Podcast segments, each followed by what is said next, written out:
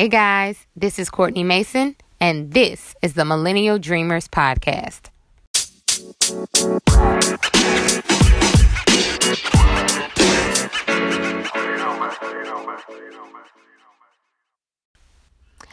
Today's episode is all about networking. Networking is the one thing that anyone looking to get ahead in their respective industry or fields, if you're an entrepreneur or an aspiring entrepreneur, it is something that you must get comfortable doing. And I like to speak about this topic because it is not something that I find particularly easy to do. It is not natural, in my opinion, to just walk up to a complete stranger and start talking. But as an attorney, I've gone to a number of different events and had to implement strategies to make it palatable for myself to get through it. I find it awkward and uncomfortable most times. So I want to give a few tips to you to make it easy and you can, you know, you know, implement it in your next networking event. So, first, you want to change the way you view networking. If you have an event that's coming up, don't look at it like, oh, I have to go and just meet people. Think of it as you are building relationships or meeting industry friends. If you think of it in that way, then you're saying, hey, this can be someone that I have a meaningful relationship with, even outside of the work that we do. This is someone that can become a true friend to me. When you think of it that way, it takes the edge off and makes it less scary. So, the first tip, aside from that, the first tip is you want to go with a goal in mind. This is especially important for introverts because you know you already have like anxiety sometimes about being around people um, and having to just put yourself out there. So you want to go with a goal in mind. And for an example i would say if there is a time limit on the event, it's two hours long, tell yourself you won't leave before the first hour. That way, you won't get there 10 minutes later, you're ready to run out the door. Give yourself an hour. You will stick through it and stay with it until at least an hour ago if you can't last through the entire event, which is fair.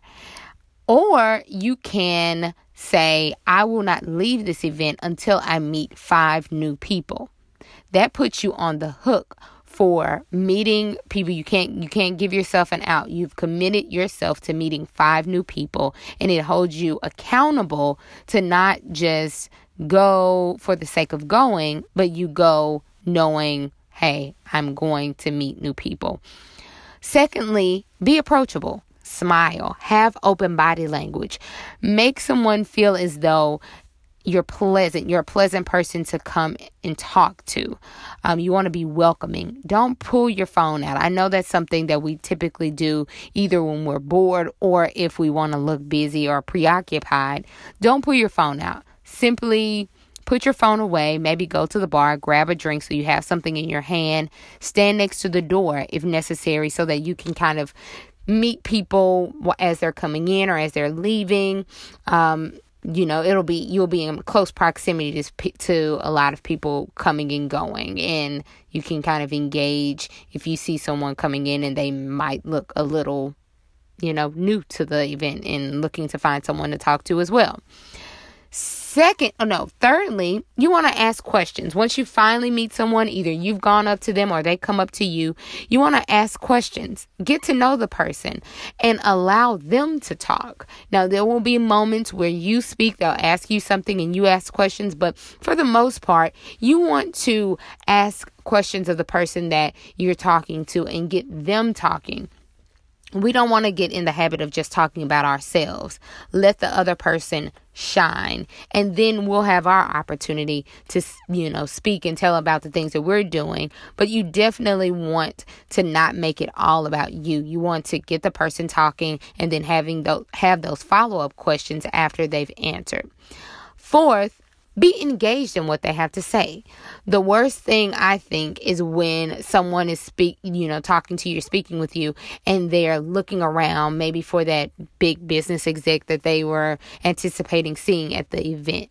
Don't do that. Give that person some courtesy to listen and be engaged in what they have to say because you want that same courtesy in return. Fifth, exchange business cards at the end. You don't want to leave an event and an amazing person and not have a way to reach out to them after it's over. Definitely exchange contact information or business cards so that you can reach out later on after the event is over with to maybe grab coffee or just to see how you can be of service to that person. It's not always about getting when we make connections. Sometimes it's about giving. You may know someone that can help catapult this person's career, can help them gain a new client. You never know. So, make sure you do that. Make sure you exchange that information. And those are five tips. Very easy tips that you can take and use at your next event and test it out to see if it makes networking that much more palatable. So let me know. Networking 101.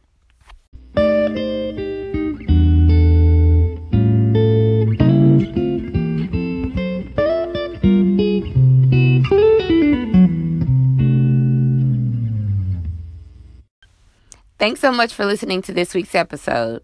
If you have any ideas you'd like me to discuss on the podcast, send me an email to millennialdreamerspodcast at gmail.com. Again, that's millennialdreamerspodcast at gmail.com. I look forward to hearing from you. Oh, and hit the subscribe button. Talk soon. Peace. The podcast you just heard was made using Anchor. Ever thought about making your own podcast? Anchor makes it really easy for anyone to get started. It's a one stop shop for recording, hosting, and distributing podcasts. Best of all, it's 100% free. Sign up now at anchor.fm slash new. That's anchor.fm slash new to get started.